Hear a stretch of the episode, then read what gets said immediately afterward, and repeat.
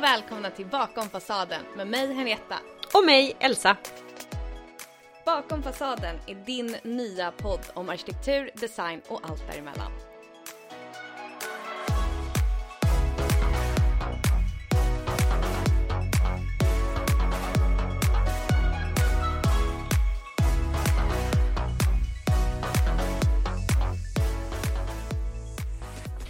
Ju startat den här podden för vi tycker att det saknas den här typen av podd ute bland alla poddar här i Sverige. Eh, men också för att vi själva vill lära oss mer om arkitektur, olika ämnen inom det och design. Så ett sätt för oss båda att få prata om ett ämne vi tycker är kul men också lära oss mer. Precis, eh, och man kan också nämna att vi är båda utbildade arkitekter och det var faktiskt så vi lärde känna varandra. Så att eh, det finns en viss kunskap hos oss sen vår utbildning, men det finns ju också ett intresse för oss att lära oss mer om det vi har utbildats inom och också en del saker har vi hunnit glömma bort trots att vi tog examen för drygt ett år sedan. Gud ja. Men också för att arkitektur, man märker det när man pratar med folk och nämner vad man jobbar som så är ju det ett yrke som många har åsikter om. Eh, av naturliga skäl, vi alla omger oss av byggnader hela tiden. Och det finns ett intresse bland folk att diskutera ämnet. Så det ja. känns också som ett kul sätt att ja, men diskutera det och komma ut och nå folk med diskussionerna. Ja men verkligen. Det tycker jag alltså varje gång jag går på släktmiddag med liksom, jag vet inte, min killes eh, familj. Så är det ju alltid någon när man berättar att man jobbar som arkitekt att, som liksom vill prata med en, har jättemycket åsikter. Och det är lätt att liksom åsikterna som arkitekter har bara diskuteras arkitekter emellan.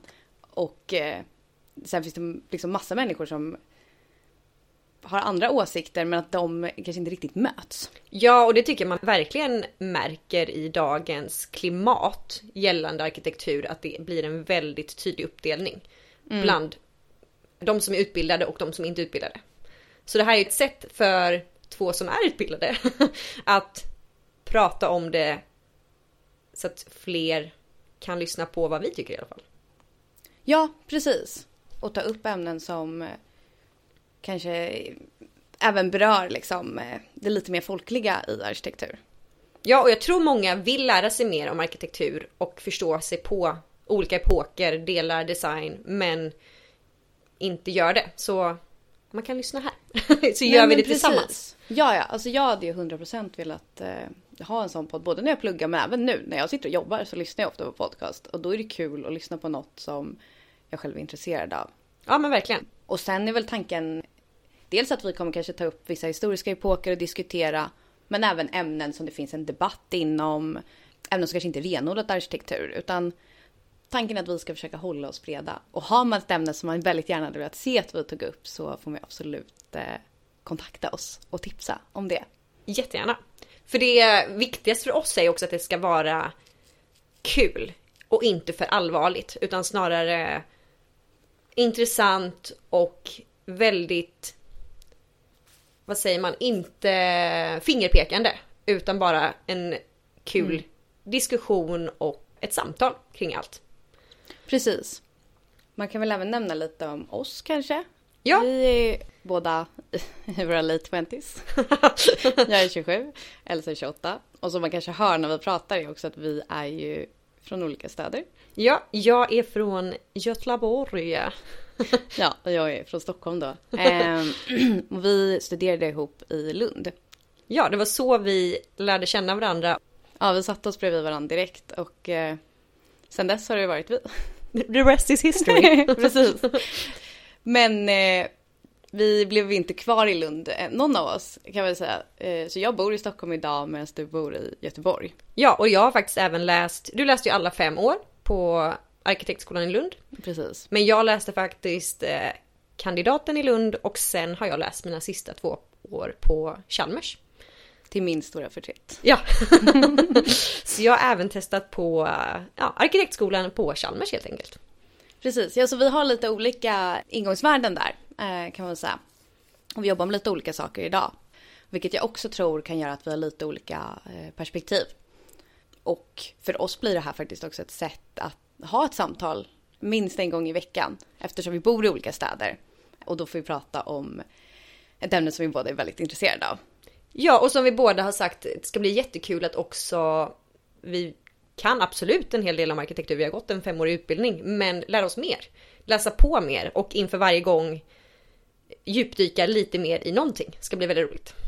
Ja, det tycker jag också känns jättekul faktiskt. Och även, alltså, jag har tänkt mycket på det att så här, ämnen som arkitektur och även design, alltså de är så himla sammanflätade.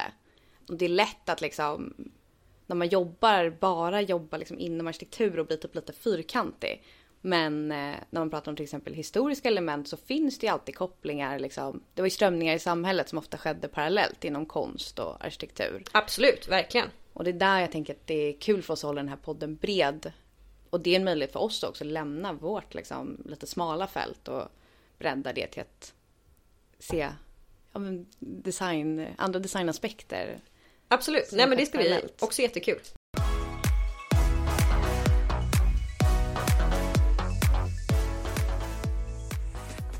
Var på eh, möhippa för några eh, helger sedan med ett tjejgäng som, ja, brudens vänner. Eh, några av mina vänner, några andra. Och, eh, då för vi pratade om arkitekturstilar och kom in på postmodernism. Och jag eh, skulle förklara för de andra tjejerna vad det var.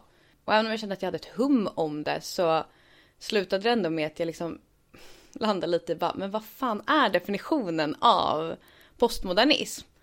Och jag och Elsa diskuterade det efteråt och kände båda att så här, det här är ett ämne som även om vi vet att vi båda har läst om det är vi lite förvirrade. Och jag märkte ju när jag skulle förklara för de andra tjejerna att de stod ju där som kanske ännu större frågetecken.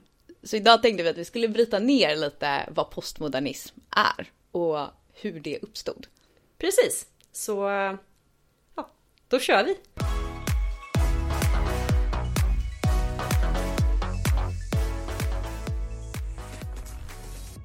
Ja, Elsa, vad, vad tänkte du liksom när jag föreslog postmodernism?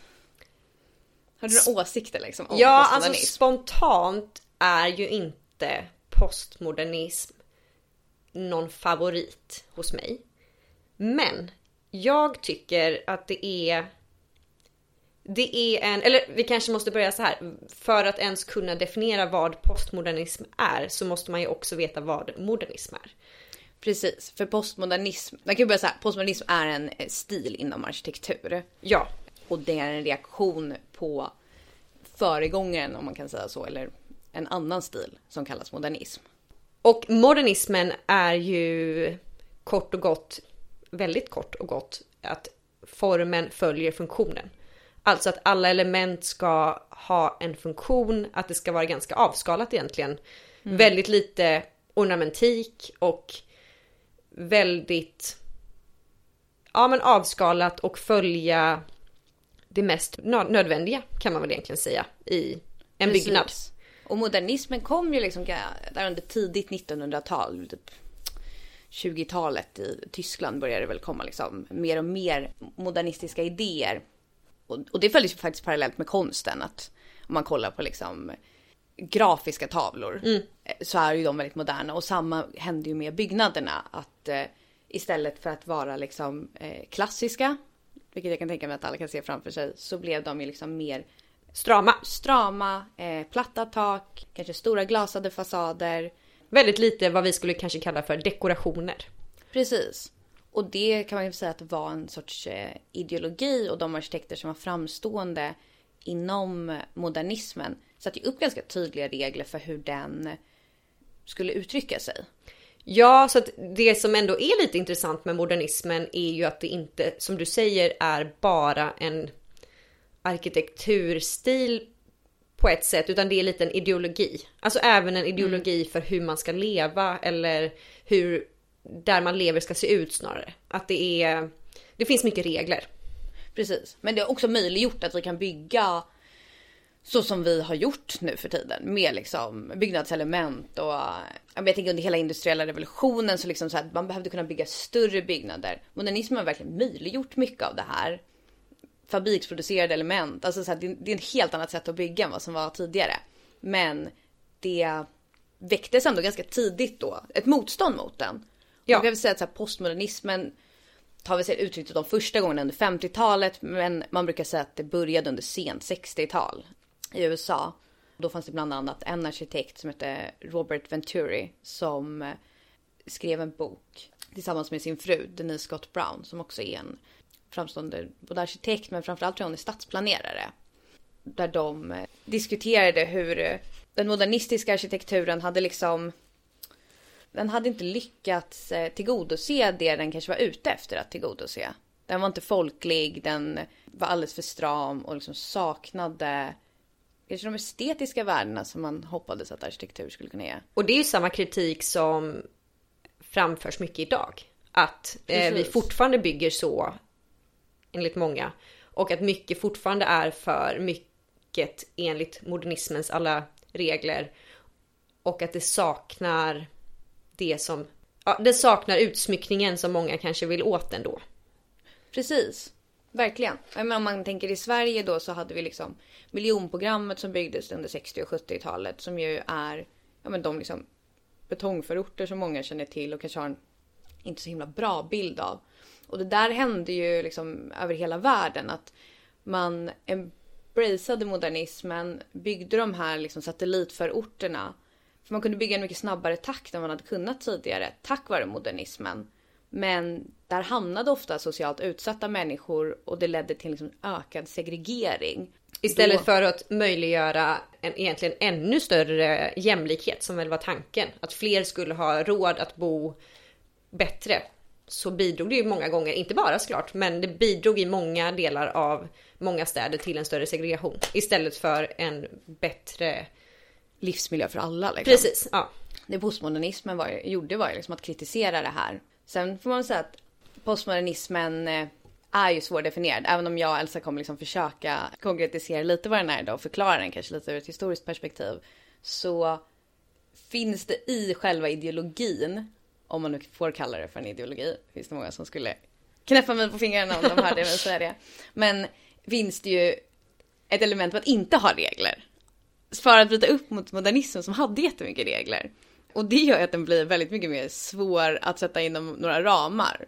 Ja, det är väl egentligen det som, alltså, jag läste något väldigt intressant eller ett stycke där de skrev just att postmodernismen definieras av att den inte kan exakt definieras. Den är mm. menad att den ska ta uttryck, alltså ta egna uttryck i anspråk och bryta mot det som liksom ska vara. Så definitionen är egentligen att det inte ska finnas någon definition. Det ska inte finnas regler att förhålla sig till utan det ska vara mer fritt. Precis. Och det är väl det som då gör att det blir en så speciell stil. Alltså det är en väldigt, jag skulle vilja uttrycka det som en väldigt eh, humoristisk stil. Alltså den är kul. Verkligen. Men det jag tror med den är att som sagt, när du frågar mig vad jag tyckte, min första spontana tanke, vad jag tycker om postmodernismen så är det inte byggnader jag själv egentligen tycker så mycket om vid första anblick.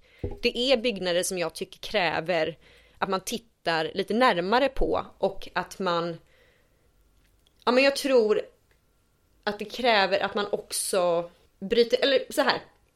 Jag tycker att det som är roligt med postmodernismen är att många av byggnaderna som är ritade, mm. de som har gjort dem kan alla arkitekturens olika regler, vare sig det gäller modernismen eller det gäller epoker som är äldre med pelare, kolonner, de vet vilka regler som finns men mm. har istället valt att bryta dem aktivt. Vilket mm. gör att det blir en komik i eh, det kan vara proportioner, det kan vara, det kan vara pelare som inte bär någon tyngd alls, de har ingen funktion. Precis. Det kan vara eh, dekorationer som... Eh, det finns ett jätteroligt exempel tycker jag som heter San Cataldo Cemetery, eller Cemetery. Som är en... Alltså det är en begravningsplats men för urnor, vad heter det? Jag vet inte, det är du som har ritat ett krematorium som kandidatarbete. det heter ju något speciellt, nu kan jag inte komma på det. Columbarium heter det va? Columbarium, ja, ja det heter det. Eh, I alla fall på engelska heter det typ Columbarium. Men i alla fall, där formen följer inte alls funktionen överhuvudtaget. Det är mycket större, klumpigare och tar mer plats än vad det skulle behöva göra. Men det är också väldigt stramt. Alltså det påminner ju Ja. om en, en modernistisk byggnad i sin stramhet. Men den motsätter ju Vet du vad det sig... faktiskt påminner om? Nej. En fascistisk byggnad.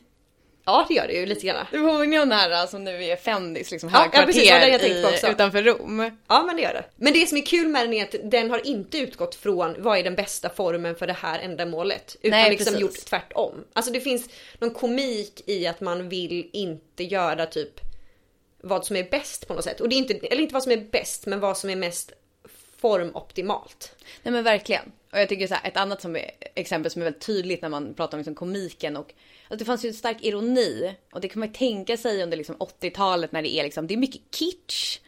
Det är liksom eh, popkonsten kommer, alltså det är liksom allt det där är ju lite ironiskt och då finns det en byggnad eh, som heter Binocular Building.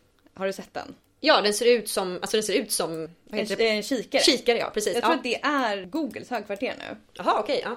Och det är liksom, ja men det är två kikare liksom som är entrén till byggnaden. Och- Och det är ju liksom, det är ju någonting komiskt när man har liksom, eller ironiskt, att ha förstorat ett, eh, ett föremål på det sättet. Och det är liksom det stora arkitektoniska greppet. Precis. Eh. Det hade ju också varit, tänkte jag säga, det värsta någon modernist kan tänka sig. För det har ju ingen... Det är bara ett föremål som inte har en funktion på något sätt. Nej, Och det har ju liksom, det är ju absolut inte optimerat för funktionen som en entré. För en Nej. entré behöver ju bara vara några, liksom, ja, kanske tre meter hög.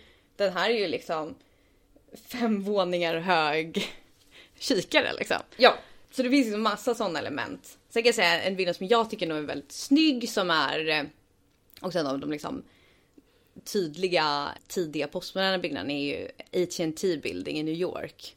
Som är ritad av Philip Johnson. Och han jobb, började liksom som en eh, supermodernist och sen gick han över till att börja utforska liksom mer postmoderna grepp i att vara mer liksom expressionistisk och mindre stram.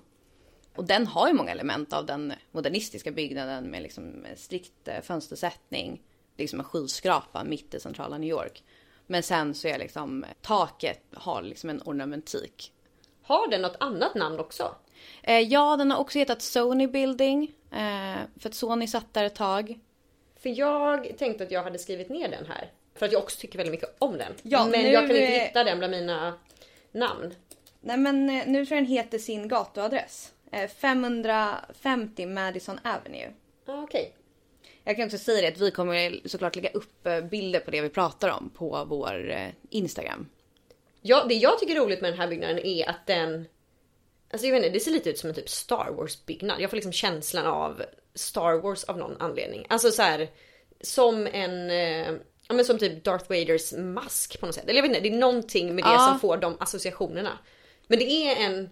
Det är som du säger, det är, hade den bara haft liksom typ ett platt tak hade man upplevt den helt annorlunda. Men man har lagt till element som gör den komisk på något sätt. Alltså det får... och också tänker jag att man lägger till element från det klassiska, liksom att man gör byggnader symmetriska. Ja, ja precis. ja. Eh, och den har ganska stora valv i bottenplan som man kanske inte skulle haft på en modern eller modernistisk byggnad. Så det finns ju liksom sådana element som kommer in. Ja men det är det som är roligt med postmodernismen. Att som jag sa, de, det är ändå en tydlig, ett, ett tydligt spel med befintliga regler. Det är bara att man blandar dem lite hej vilt som man vill. Precis. Och sen tycker jag det är intressant det du säger om att det påminner lite om Star Wars. Alltså det, det blir ganska, eller vissa byggnader blir väldigt monumentala för att man tar de här, man har den här stora skalan som man började klara av att bygga liksom eh, under den tiden. Och sen lägger man till klassiska element. Jag kan tycka att det känns liksom lite, ja men som futuristiskt. Ja, men jag håller med. Det, det är någonting, inte filmiskt är fel ord, men futuristiskt är nog faktiskt Ja, helt men jag rätt ord tänker liksom det. att det är så, så att Metropolis ser ut. Alltså, Ja. Och där finns ju ett annat bra exempel som är eh, SIS högkvarter i London. Har du sett det? Alltså Secret eh, Intelligence Service står väl SIS för. Det ser liksom nästan ut som något eh, man skulle kunna ha byggt i lego typ. Att det liksom, det tonar upp sig. Och det har ju en tydlig symmetri men det är ju definitivt inte klassiskt. Den känns ju liksom, det skulle ju kunna vara Darth Vaders högkvarter. Jag tror till och med att den har varit med i någon Bondfilm och jag trodde att den var fake. Alltså Ja, men att den var gjord för den filmen, att det inte var deras verkliga högkvarter. För man är såhär, va? Har ni ett så här högkvarter som ni skyltar med? Ska inte ni vara hemliga? det är faktiskt sant.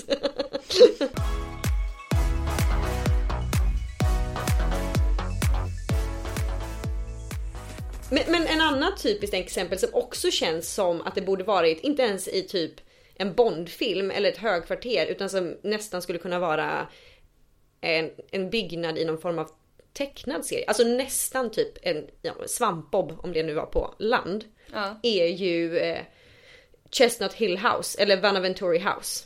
Precis. Och det var ju typ, Robert Venturi skrev ju en eh, bok 66 som hette Complexity and Contradiction in Architecture. Han använde själv aldrig termen postmodernism där, men det brukar man säga är liksom som ett postmodernistiskt manifest. Och eh, hans utforskningar han gjorde liksom teoretiskt i den boken. Det utmynnade ju i Vanaventory House, som det är ett hus han sen då ritade till sin mamma parallellt med att han började tänka de här banorna kan man säga. Mm. Så det är väl verkligen en postmodern symbol. Och den känns ju som en byggnad som skulle kunna vara tecknad.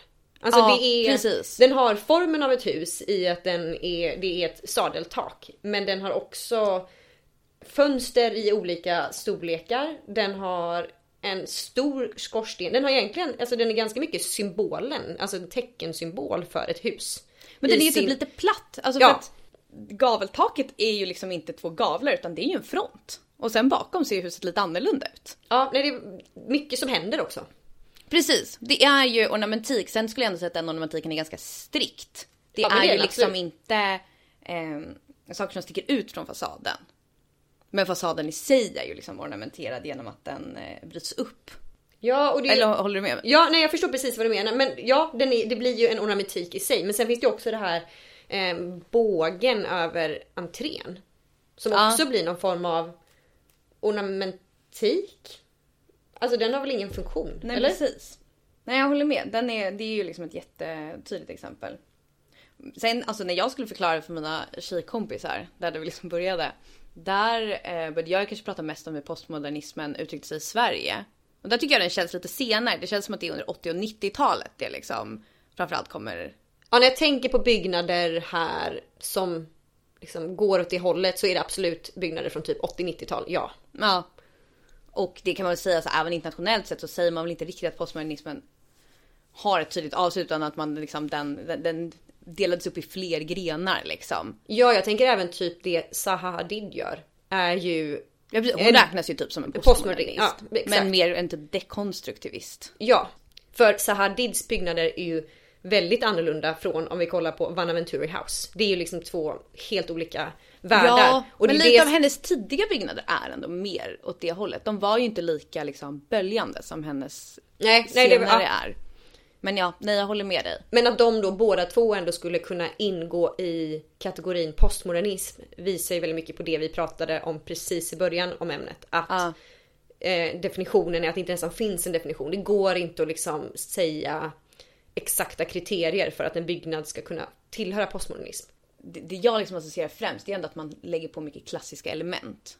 Särskilt om jag tänker i Sverige, liksom hus från så här 80 och 90-talet. Att man liksom ser ett hus som så här, det är uppenbarligen sent byggt för att det är låga takhöjder och inte kanske jättestora fönster. Men fönstren har fortfarande liksom klassiska element som spröjs.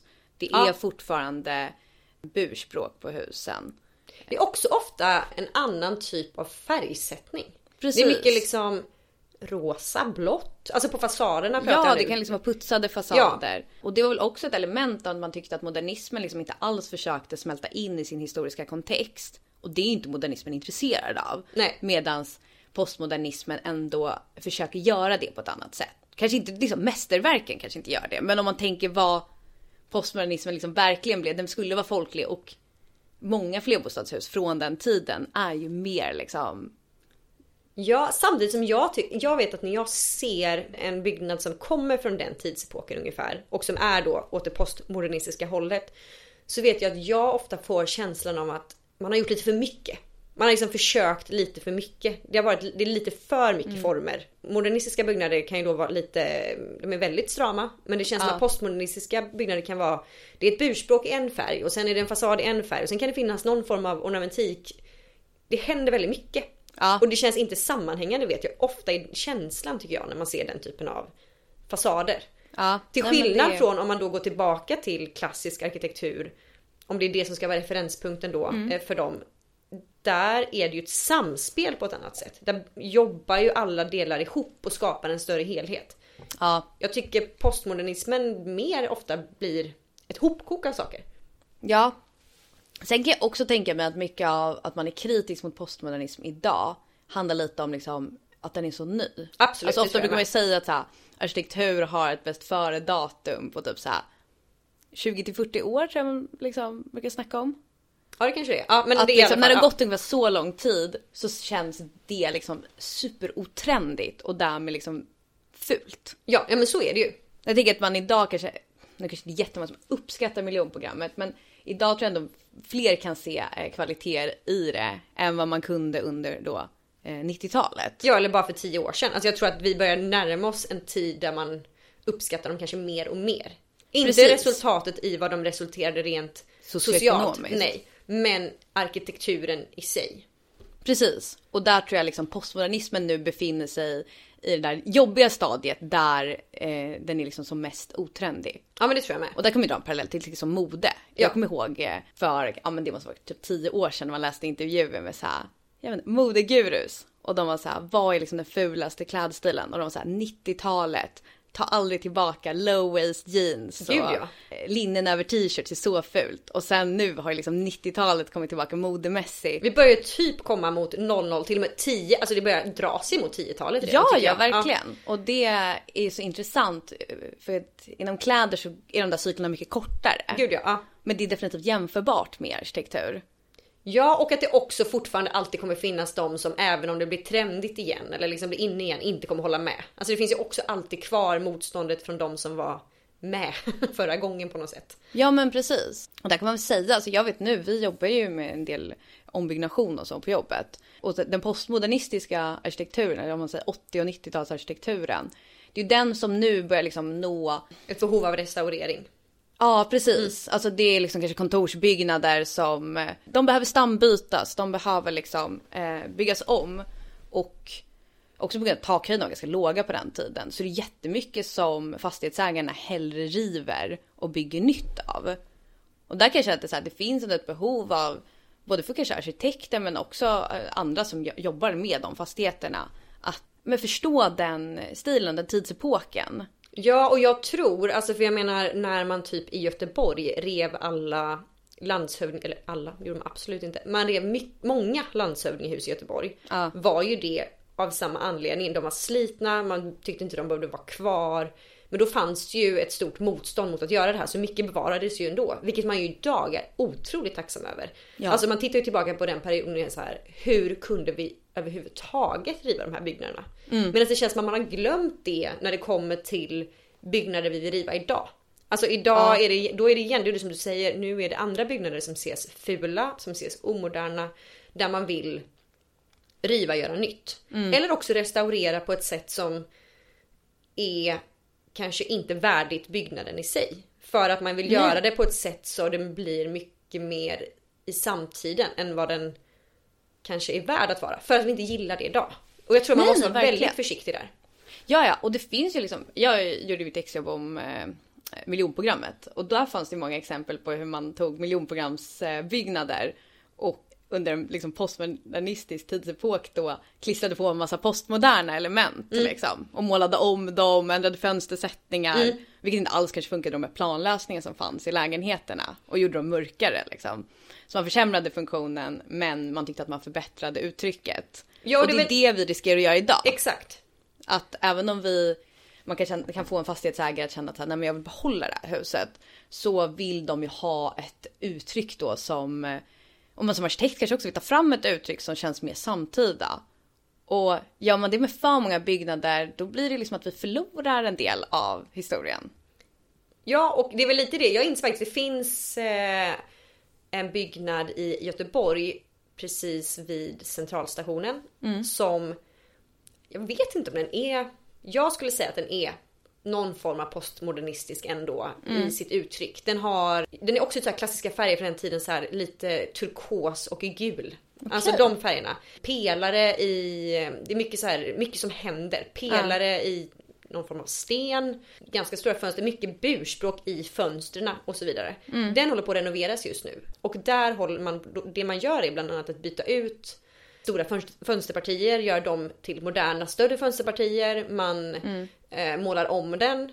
Den blir helt enkelt en väldigt mycket mer modern byggnad. Och jag tyckte första gången jag såg framförallt renderingarna så tänkte jag wow vilket lyft. För det är typiskt en sån byggnad. Men blir den modern som att den blir mer modernistisk eller mer samtida? Mer samtida. Alltså modern som är Ah, samtida. Ja.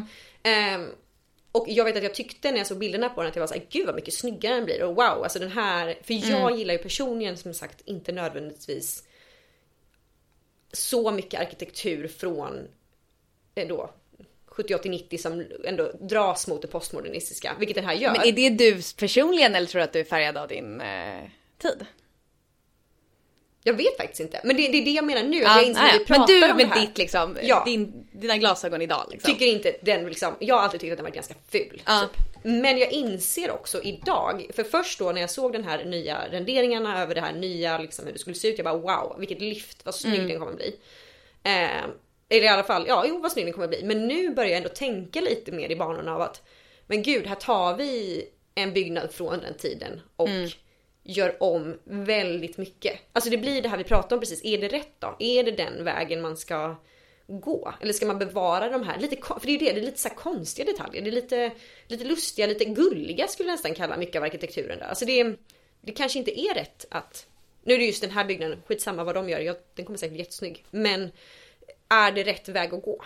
Ja, det hade också varit intressant att höra om vissa postmoderna byggnader, liksom vad, vad typ den allmänna uppfattningen är. Om man tänker att postmodernismen jobbade mot att vara folklig och ta in klassiska element. Eh, och idag finns det ju en stark liksom, diskurs i att eh, många vill se mer klassisk ornamentik på eh, samtida byggnader. Eh, det kan ju finnas också en risk att när man stramar till de här postmoderna byggnaderna som hade en ambition att vara folkliga så kanske man faktiskt tar ifrån folk det de vill se i stadslandskapet. Jag, jag inser att det känns som en, en stil man hör väldigt lite kommentarer om. Alltså ja, är, men jag tror inte att det är en stil som är liksom allmänt särskilt känd.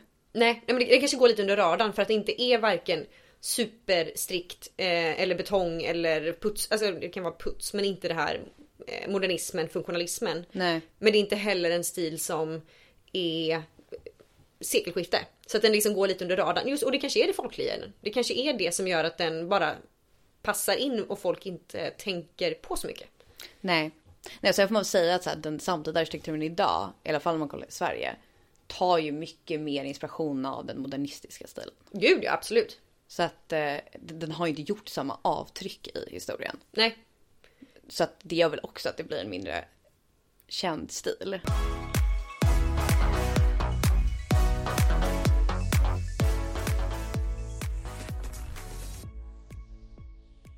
Ja, men om vi ska knyta ihop lite. ja. Har du då liksom eh, något eh, avslutande du skulle vilja säga liksom, om eh, postmodernismen? Men jag tycker tänker på? faktiskt att desto mer jag nu läst om det, kollat på det, Ja. desto mer tycker jag om det. Ja. Alltså det är, och det tror jag är för att det är det här lite, att det spelar med, man ser att de som ritar kan alla regler och väljer att bryta mot dem eller göra det, sitt eget av det. Alltså Ja. det är liksom kul. Och jag tror det är det som jag tycker om. Samtidigt så tycker jag att arkitektur inte ska ha, behöva vara någonting Vissa grejer, absolut, lite mer monumentala saker kanske. Men jag tycker annars inte att arkitektur i vardagen ska behöva vara sånt man ska behöva läsa på om för att uppskatta. Eftersom att vi omger oss av så mycket arkitektur hela tiden. Nej, så det jag är lite dubbel i vad jag tycker om det i sig. Men jag tycker mer om postmodernismen efter att ha läst på om den skulle jag säga. Nej, men jag håller nog med eh, i det. Och jag tycker också att eh, det finns något liksom lite frigörande, liberating i att eh, att få vara så fri, att plocka liksom element från olika tidsåldrar, känna Gud, att ja. man är ironisk kanske. Man kan vara humoristisk och Ja. fri. Det tycker jag känns kul. För att så här, design ska ändå vara liksom lustfyllt.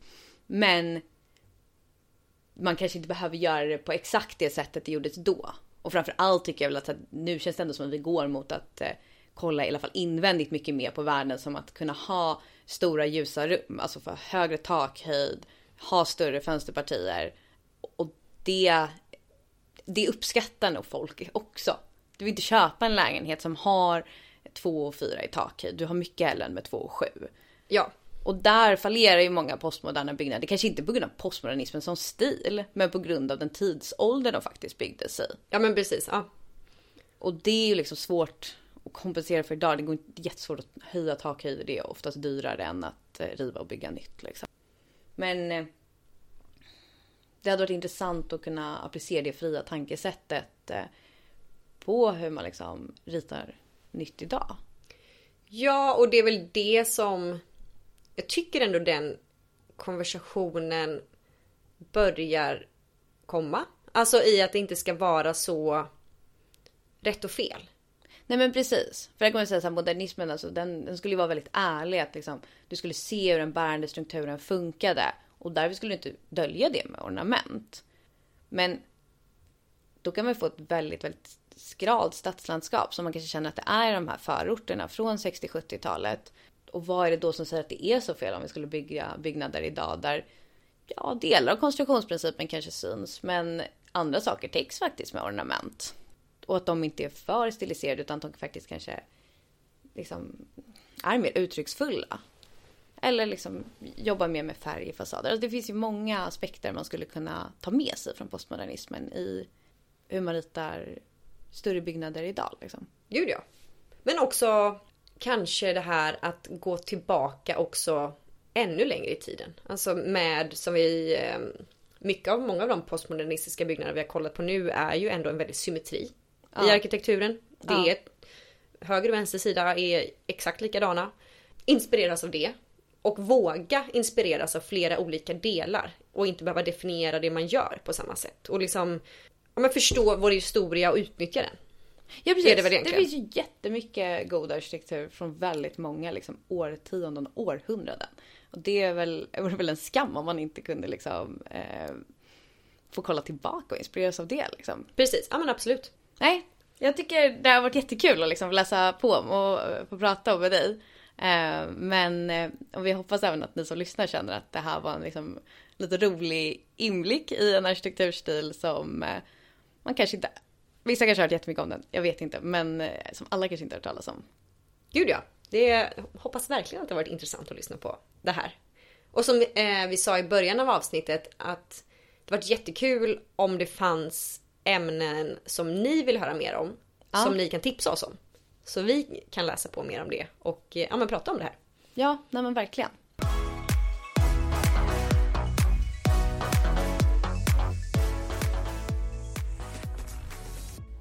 Okej, ska vi eh, avsluta, avsluta, avsluta med eh, ett litet tips? Nej, har du något du vill tipsa om?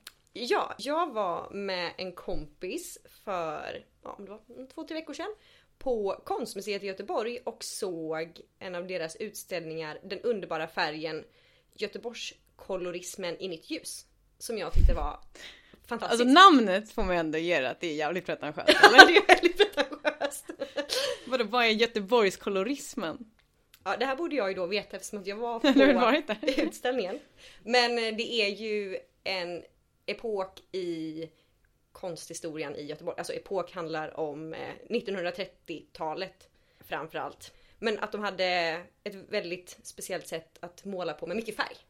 Det var okay. många konstnärer som bland annat hade gått på Valands konstskola och så vidare. Men ja. de målar med alltså det är fantastiskt fina tavlor och fantastiskt fina färger.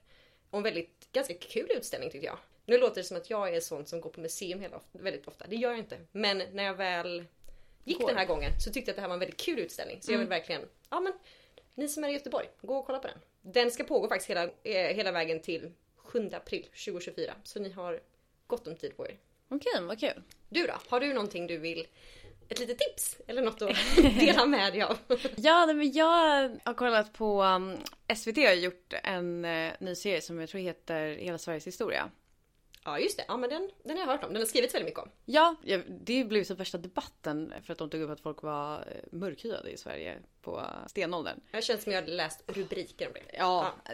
det är väl bara skitdum debatt om man ska vara helt ärlig. Men jag såg första avsnittet i veckan och börjat se andra avsnittet. Första handlar om stenåldern. Och jag är ju också, alltså stenåldern är ju mitt Roman Empire. Jaha okej, ja, då så. Då Alltså jag det. tänker så ofta på stenåldern.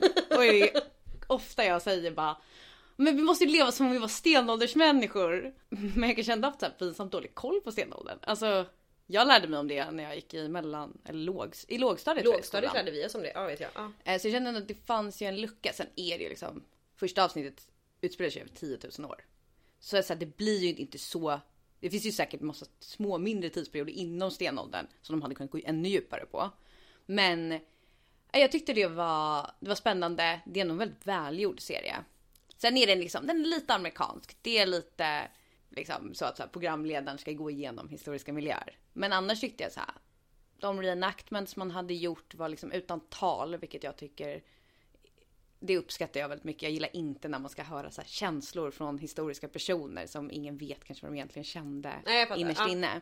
Men det tyckte jag var intressant att se och det var väldigt intressant att höra om hur liksom, eh, bosättare kom till Sverige när istiden började liksom, eh, försvinna. Ja, alltså jag har faktiskt börjat kolla på den. Ja, Jag tyckte den var jättetråkig.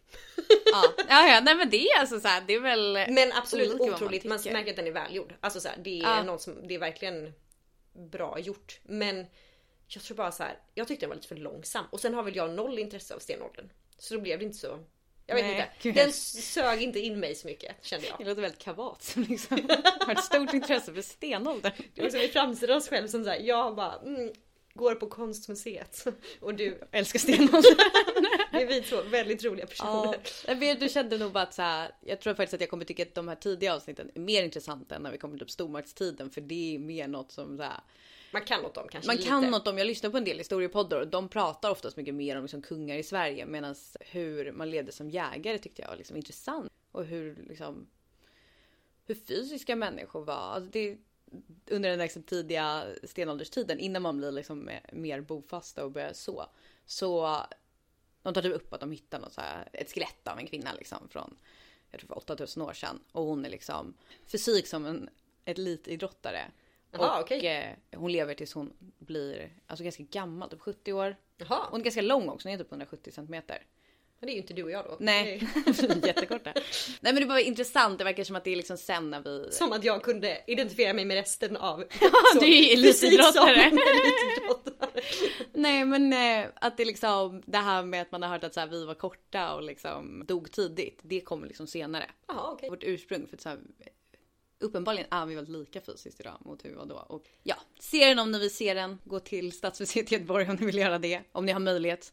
Jag får åka ner och hälsa på dig så Det får du se den här utställningen. Så får jag gå på den igen. Det är Ja, värt. men annars eh, så kommer nästa avsnitt om två veckor. Ja, Och om ni gillar vår podd så hoppas vi verkligen att ni vill följa den. Ni får gärna lämna en rating. vi kommer länka till våran Instagram Precis. någonstans i beskrivningen. ja men i Ja. avsnittsbeskrivningen. Och där kommer vi som sagt varje vecka då också lägga upp bilder på det vi pratar om.